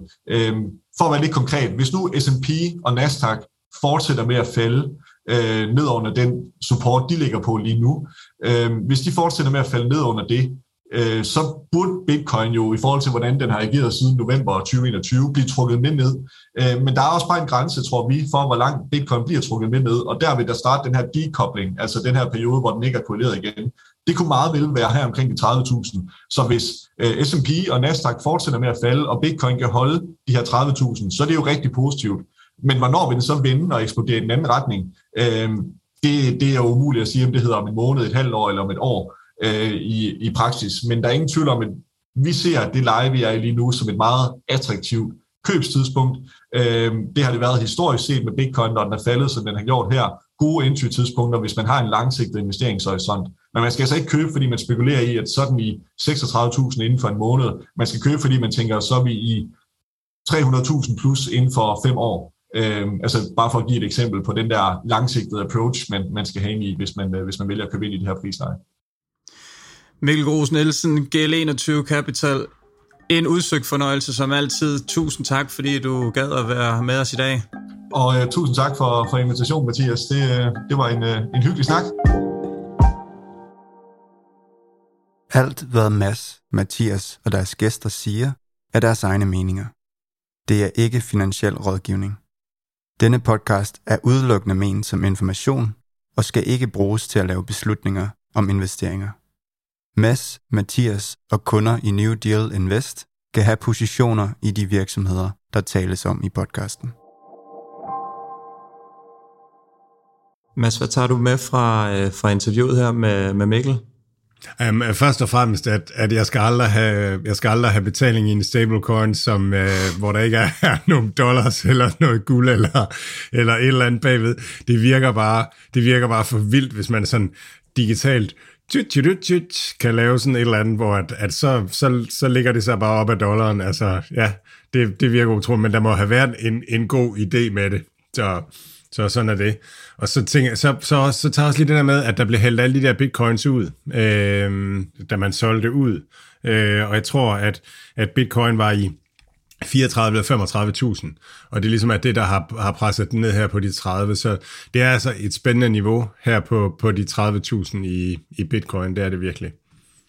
Jeg så lige, der var, øh, der var nogle af de her tekniske analytikere, der, der var ude og forudse, at det godt kunne blive lidt værre og værre, end det blev godt, og så faktisk nogle, nogle, nogle tekniske niveauer ned omkring 20.000, og faktisk også lige under 20.000. Øhm, så øh, ja, det er jo selvfølgelig altid spændende, og det er der jo altid øh, tusind meninger om, men, øh, men det er ikke sikkert, at vi er helt ude af busken med, med kryptoen nu. Ej, markedet gør det altid svært for en. Jeg sagde det sidste gang. at jeg tror, at, at vi skal have sådan et, et, et ud, break, et, et, et, et nedbrud først, hvor man lige skal, skal teste, øh, om, om, man, øh, om man kan stå for det, og så jo med risiko for, at vi skal ned til de 20, selvfølgelig. Det er jo altid det, der er, når, når noget bryder ned, så jeg tror ikke, det bliver nemt at lige gennemskue. Jeg tror ikke bare, det bliver smooth herfra. Lad os prøve at få kigget på nogle af de her regnskaber, som, øh, som kom frem i løbet af ugen. Um, Måske kan vi gå og starte med, med Nvidia, en masse øh, spændende virksomhed, den her chipproducent her, som har klaret sig eminent godt de sidste øh, 5-6 år, som også har øh, uh, kløjs lidt i det her, for at sige det mildt, det sidste års tid her. Og øh, ja, den havde også et, et, et svært regnskab, ikke? Fordi tallene var sådan super dårlige, men mere den her svære guidance øh, i, i Q2, øh, som jo nok et eller andet sted var ventet, men, øh, men når det kommer ud, og tallene kommer på bordet, og, og de er ude og, og, og proklamerer det, jamen så, så kommer der så en regning i, i de her tider. Hvad, hvad tager du ellers med derfra? Ja, men en masse ting. Det er jo simpelthen så spændende at sidde og, og, og, og, og læse deres regnskab og tænke over, hvad, hvad de laver og sådan noget. Jeg har skrevet et citat ned fra, fra, øh, fra Jensen her. Øhm, han, han siger, The effectiveness of deep learning to automate intelligence, altså automatisere intelligens, hvor vildt er det lige, uh, is driving companies across industries to adopt NVIDIA for AI computing. Og så siger han, we want to produce intelligence også. Altså det er, det er så spændende, uh, det der sker. Deres, uh, deres regnskab var, eller deres, deres omsætning var op med 46 procent. Uh, og Uh, og, og, og det dækker over, at, at gaming havde en, en okay vækst på 31 procent. Gaming er fordoblet over to år. Øh, men det, der virkelig trækker, det er datacentre, øh, som vokser med 83 procent, og nu er det største segment af, øh, af Nvidia. Og de to segmenter er, er klart de største, og udgør den største del af, af omsætningen.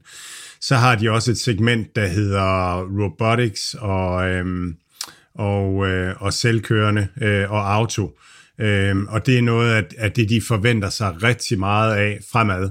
De har lavet noget, der hedder en O-RAN-processor, øh, som øh, det er simpelthen så urimeligt over for ældre mænd at skulle sidde og læse sådan noget her. Men, men en O-RAN-processor, som, øh, som kan alt det her med biler og robotaxier. Og så begynder de også at snakke øh, logistik, movers, last mile delivery systems og, og sådan nogle ting. Så det er, det er, det er mega spændende. Øhm, de har høje bruttomarginaler, øhm, og så, altså, så er de i gang med deres, med deres næste øh, generation af, af chips, øh, noget der hedder en H100, som er meget bedre end A100'eren, og det må man jo bare tro på. Øhm, men, øhm, men, men der er 80 milliarder transistor, transistorer på sådan en, en fætter. Det kan man slet, slet ikke, altså det var bare sådan, det må, være, det må bare være forkert, men jeg, jeg, jeg tror på en eller anden måde, det er rigtigt. Så var der nogle andre fremmedord, jeg lærte. Øhm, der, der er noget, der hedder Transformers, og det, det ved man jo, det er en film, øhm, og, og sådan noget. Men det er altså også noget inden for artificial intelligence, og det er sådan noget med, at at, øhm, at, at man, kan, man, kan, man kan afkode intentionen eller noget af det, der ligger, ligger for eksempel i sproget. Altså, hvis man bare tager ord for ord for ord, så bliver det ligesom, når man lærte engelsk i, i 3. klasse, så gik man bare i gang med at oversætte fra den ene ende til den anden. Og så, men, men, men der kan man bedre, der kan man aflæse meningen i det. Og det er et stort øh, gennembrud inden for, inden for artificial intelligence, som, som man arbejder meget med, og som der kommer meget mere af, og kommer en masse effektivitet omkring det. Og der samarbejder man med Microsoft øh, omkring det her, øh, har noget, der hedder et, et Megatron 350-projekt, som er noget omkring sprog øh, og, og afkodning af sprog. Og så kommer man bare til at tænke på, når nu at Microsoft og Nvidia, de, de samarbejder om det her, om at lave noget, der kan noget med sprog, så bliver det Microsofts. Hvis det, er, hvis det bliver på Web 3.0, når det er sådan, at vi har krypto, så bliver det open source for alle. Så kan alle bruge det her og integrere det. Så bliver det kun opfundet én gang. Men nu skal Google sikkert også til at opfinde det samme, og Amazon skal opfinde det samme, og så videre. Så det bliver lidt mere effektivt, når det bliver, når det bliver Web 3.0. Øhm, så lærte jeg et ord mere. Øhm, det er noget, der hedder inferencing. Øhm, og, og det handler om, at, at en ting det er at lære af data. Noget andet det bliver at, at, øhm, at, at effektuere det, man har lært af data. Så, så hvis man har lært af data, at det er rigtig godt at gøre sådan her i den her situation, eller, eller et eller andet, jamen så skal man også have nogle systemer, nogle chips, der kan, der kan effektuere det. Og det bliver en kæmpe industri fremadrettet, fordi der bliver meget mere øh, behov for at effektuere. Der er mange flere situationer, når man har lært af data og sådan nogle ting, så, så skal det rulles ud i en masse situationer. Så, øhm, så, så helt vildt spændende, og, og bare en virksomhed, som er, er forrest i det her, og har rigtig mange segmenter, en global øh, virksomhed. Øh, jeg, har, jeg, jeg flytter lidt med øh, en fyr fra Singapore, der hedder Punchcard Investor, som er ved at skrive nogle, øh, nogle artikler om Nvidia, og han, han, han lover, at han kommer og fortæller os noget mere om, om Nvidia øh, på et eller andet tidspunkt. Sindssygt spændende. Nu snakker vi om det her øh, voldgrav tit. Er det ikke sådan en firma, som har gravet så, så store voldgrav, det er svært at ikke at få øje på dem om, om 5-7 år, og sådan ligesom stadigvæk være markedsledende inden for det her? Jo, det er altså noget af, nogle af de voldgrave, de laver, det er, jo, det er jo, at det er mega svært at gøre. Øh, de, de har en masse viden, og de har, de har sunket en masse øh, penge i forskning inden for det her, og er foran. Øh, men det er også et område, hvor at, at øh, Amazon, og altså de store hyperscalers, Amazon, Google, Microsoft, Apple, de vil rigtig gerne selv, altså fordi at hvis de kan undgå at betale Nvidia, og måske endda hvis de kan udvikle noget, der er bedre, så de får en fordel i forhold til de andre, så, så er det jo fedt. Så det er, altså det er et race for Nvidia med at blive ved med at, at have de bedste produkter, og dermed sælge til altså sælge til hele industrien, og så på den måde gør det umuligt for, for hyperscalerne og, og indhente dem. Men vi så også, AMD komme ud med rigtig gode regnskaber, og også snakke om, at de var godt øh, kørende i forhold til, til datacentrene. Så altså, lige forløbig ligner det ikke, at, at, at nogle af, af hyperscalerne har nogle produkter, som kan løse de problemer, øh, som, som de her virksomheder løser. Og Nvidia altså, arbejder også med ligesom at, at, at kunne mere og mere. De har, Øh, de har, de har lavet deres, deres, en CPU nu, der hedder Grace, øh, som de skal til at, at, at implementere, kommer ud nu her, sådan at de kan lave, sælge sådan nogle samlede systemer. Øh, ja, så, og så har de deres software også, deres CUDA, som øh, software-platform, hvor, hvor de hjælper med, at, at man kan programmere tingene. Så de er sådan vertikalt integreret ned igennem det, og på den måde, så, altså, så er brugsværdien stor af Nvidias produkter. Mads, lad os også lige komme, øh, komme rundt om Zoom en gang. Hvordan, øh, hvordan så det ud med dem? Jamen, det var, det var et godt regnskab, og, og, og, og hvis man ligesom skal starte med bekymring, det der med, hvad er de konkurrencemæssige fordele for af Zoom, altså hvorfor skal, hvorfor skal Zoom være der, hvorfor er det ikke bare øh, Teams og, og, og, øhm, øh, og, og, og Microsofts øh, produkter, vi bruger. Øh, Zoom har købt noget, der hedder Solvi, øh, som er sådan en, en conversational artificial intelligence, som skal styrke deres øh, kontaktcenterprodukter. Øh, øh, sådan at, at de kan løse mange flere problemer i kontaktcentre. Så de, de udbygger paletten. Så har de lavet noget, der hedder et Zoom Whiteboard, øh, som, som er, er meget spændende. Det, så man kan, man kan lave noget markedsføringsmateriale ind i Zoom, som, som man ligesom kan genbruge derinde og lægge op øh, og, og bruge til, til, når man er til kunder eller til interne præsentationer og undervisning og sådan nogle ting. Det, det skaber at lave sådan noget her, øh, det, er, det er switching costs. Altså hvis, hvis først, at jeg begynder at have lavet et helt katalog af alle mulige skidt, som jeg hiver frem hver gang jeg taler med folk, og det ligger inde på Zoom-platformen, så skifter jeg altså ikke til en anden platform, så bliver jeg der. Så de begynder sådan at få bygget noget noget proprietært materiale op, og, og, øhm, og når de kommer, øhm, ja, det her AI-produkt øhm, gør også øh, løser nogle flere problemer og kommer til at skabe noget data og noget, nogle ting, som, som gør, at folk ligesom bliver hængende. Hvis der er rigtig mange knapper i et produkt, så, så ender man også med at blive hængende i rigtig mange funktionaliteter. Så skifter man ikke. Altså det er ligesom at skifte fra Excel, altså fordi man ved, hvordan det fungerer, så skift til noget andet, et andet regneark, der fungerer på en anden måde, det vil man aldrig gøre. Så, så de begynder sådan at, synes jeg, at gøre noget, øh, der virker. Og deres, altså, det de skal, det er, at de skal have virksomheder på, øh, og det de kalder enterprise, og der stiger deres omsætning med 31 procent. Øhm, øh, og, og nu er det 52 procent af omsætningen. Øhm, så, og der har de en, det man kalder en net dollar retention, altså de, de, de, er, de vækst øh, på 123 procent, så de vækster øhm, de vækster omsætningen i deres enterprise-kunder med 23 procent. Så det vil sige, at kunderne bliver der og vil have mere af det.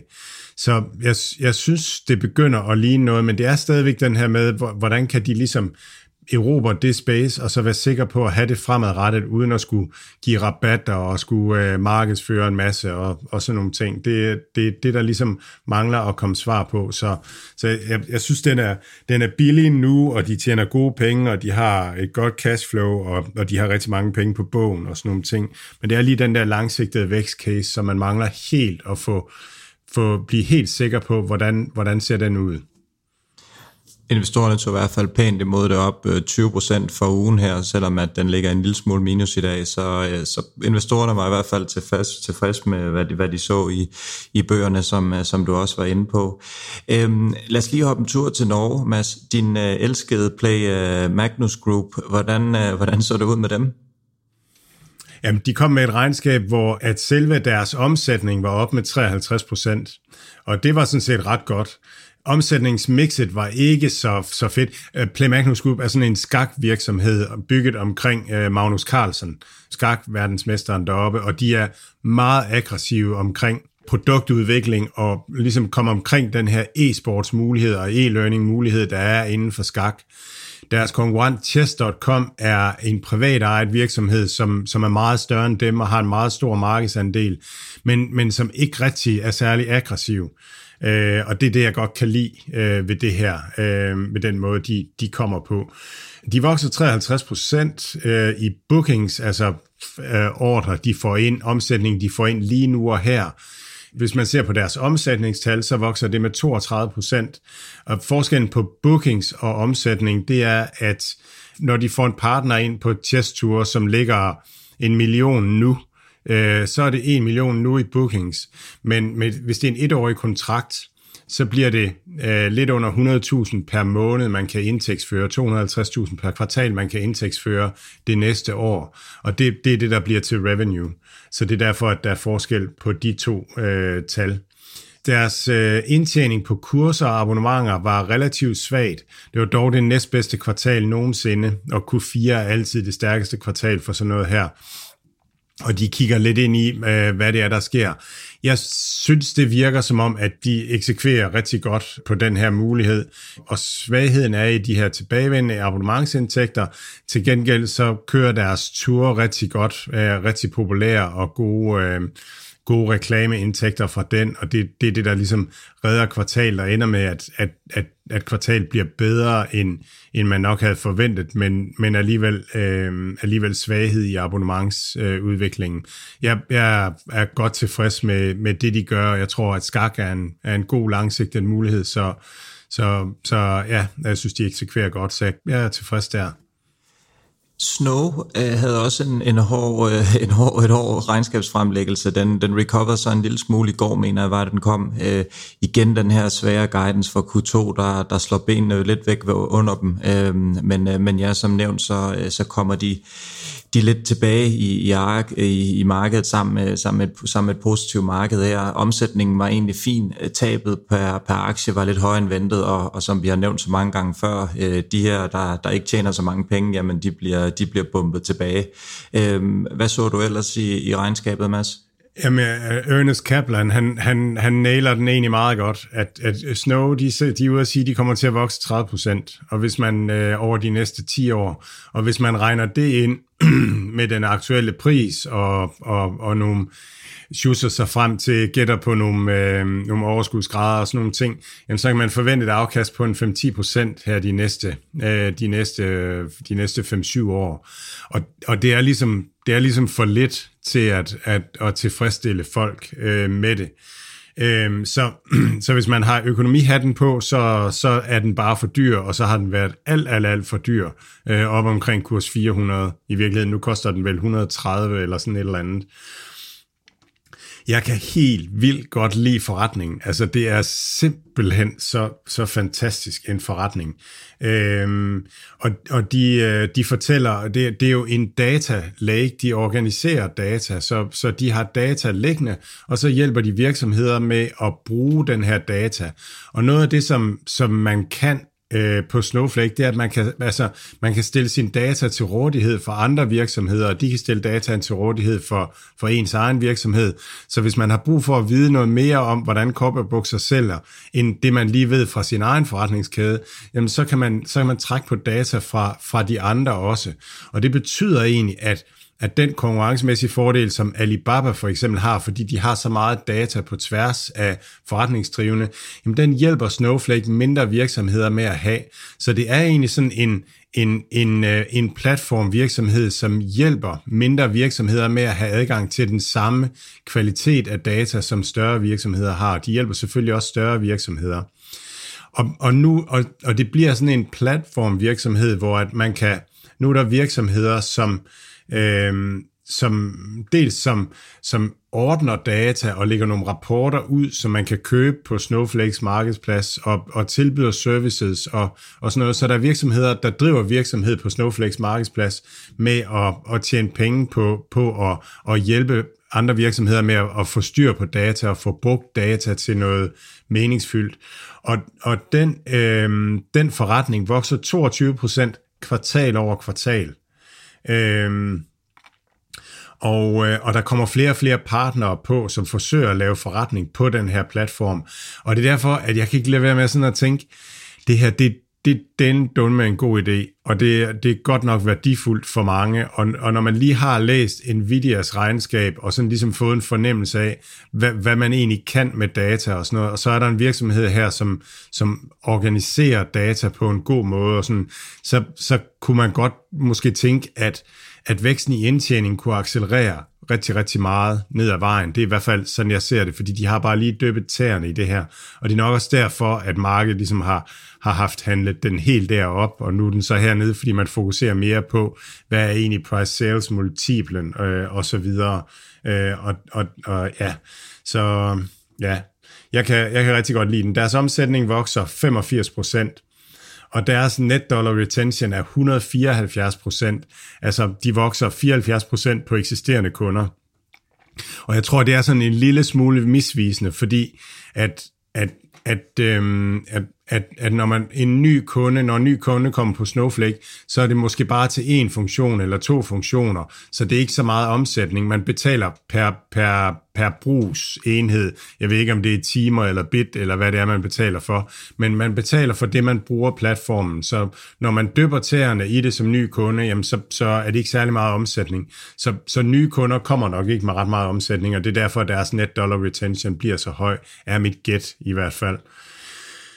Øhm, ja, så jeg kan rigtig godt lide den, og jeg, jeg synes, øhm, jeg, jeg er meget tilbøjelig til bare at lukke øjnene og sige, okay, den kunne handles til 450 af aktiemarkedet. Aktiemarkedet har altid ret, så 450 var en rimelig pris, og nu handler den til 130. Øh, og det er altså en, en forretningsmodel, der giver sindssygt meget mening i fremtiden, i hvert fald indtil Web 3.0 kommer, fordi så er der ikke brug for de her data lakes mere, så er der jo åben data derude. Så det er sådan, det er sådan øh, hårdt i suppen der ved, ved den virksomhed.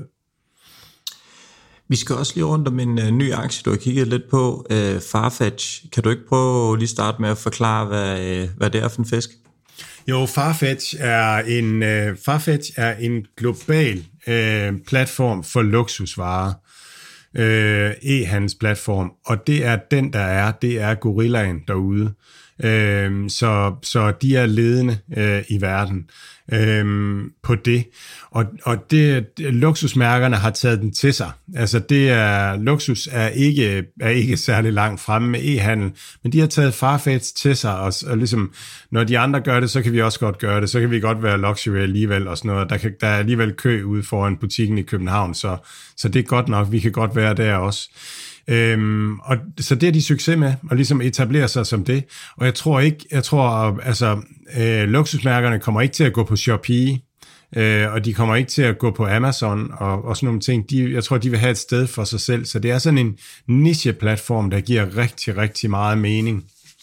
Så øh, når lillemor derhjemme spørger, om hun må låne kreditkortet til at handle på Farfetch, så snakker vi altså Christian Dior, og vi snakker Versace, og vi snakker Givenchy, de her, så, så, så det er altså lige med at få sagt nej i god tid, fordi det er altså ikke uh, netto.dk, som, som der bliver trukket uh, beløb, bestøbstørrelser med. Så der er lige en skræk advarsel derude.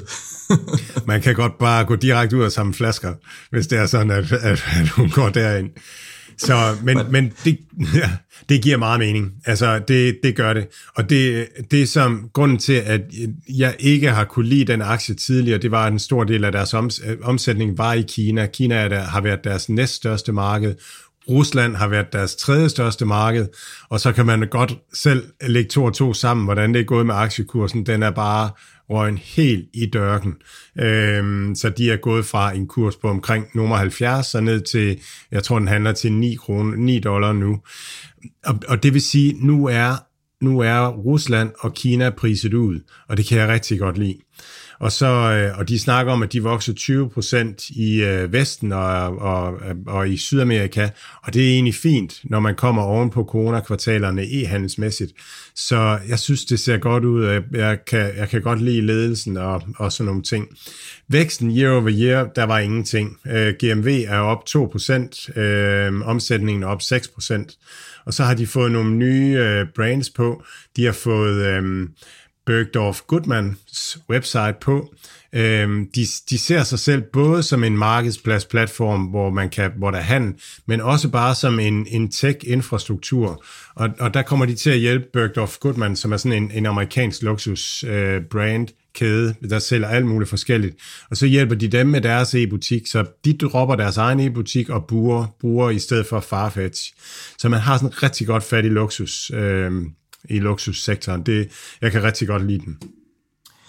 Så øh, hopper vi lige en tur til Kina. Øhm, både Alibaba og Baidu, de, de fremlagde regnskaber i går. Øhm, det så faktisk rigtig pænt ud. Der er jo den her lockdown i Kina i øjeblikket, specielt i Beijing. Øh, og det, det er selvfølgelig noget, som, øh, som hjælper med bedre tal. Øh, det var også det, vi så, der, der vores, vores del af verden var lukket ned.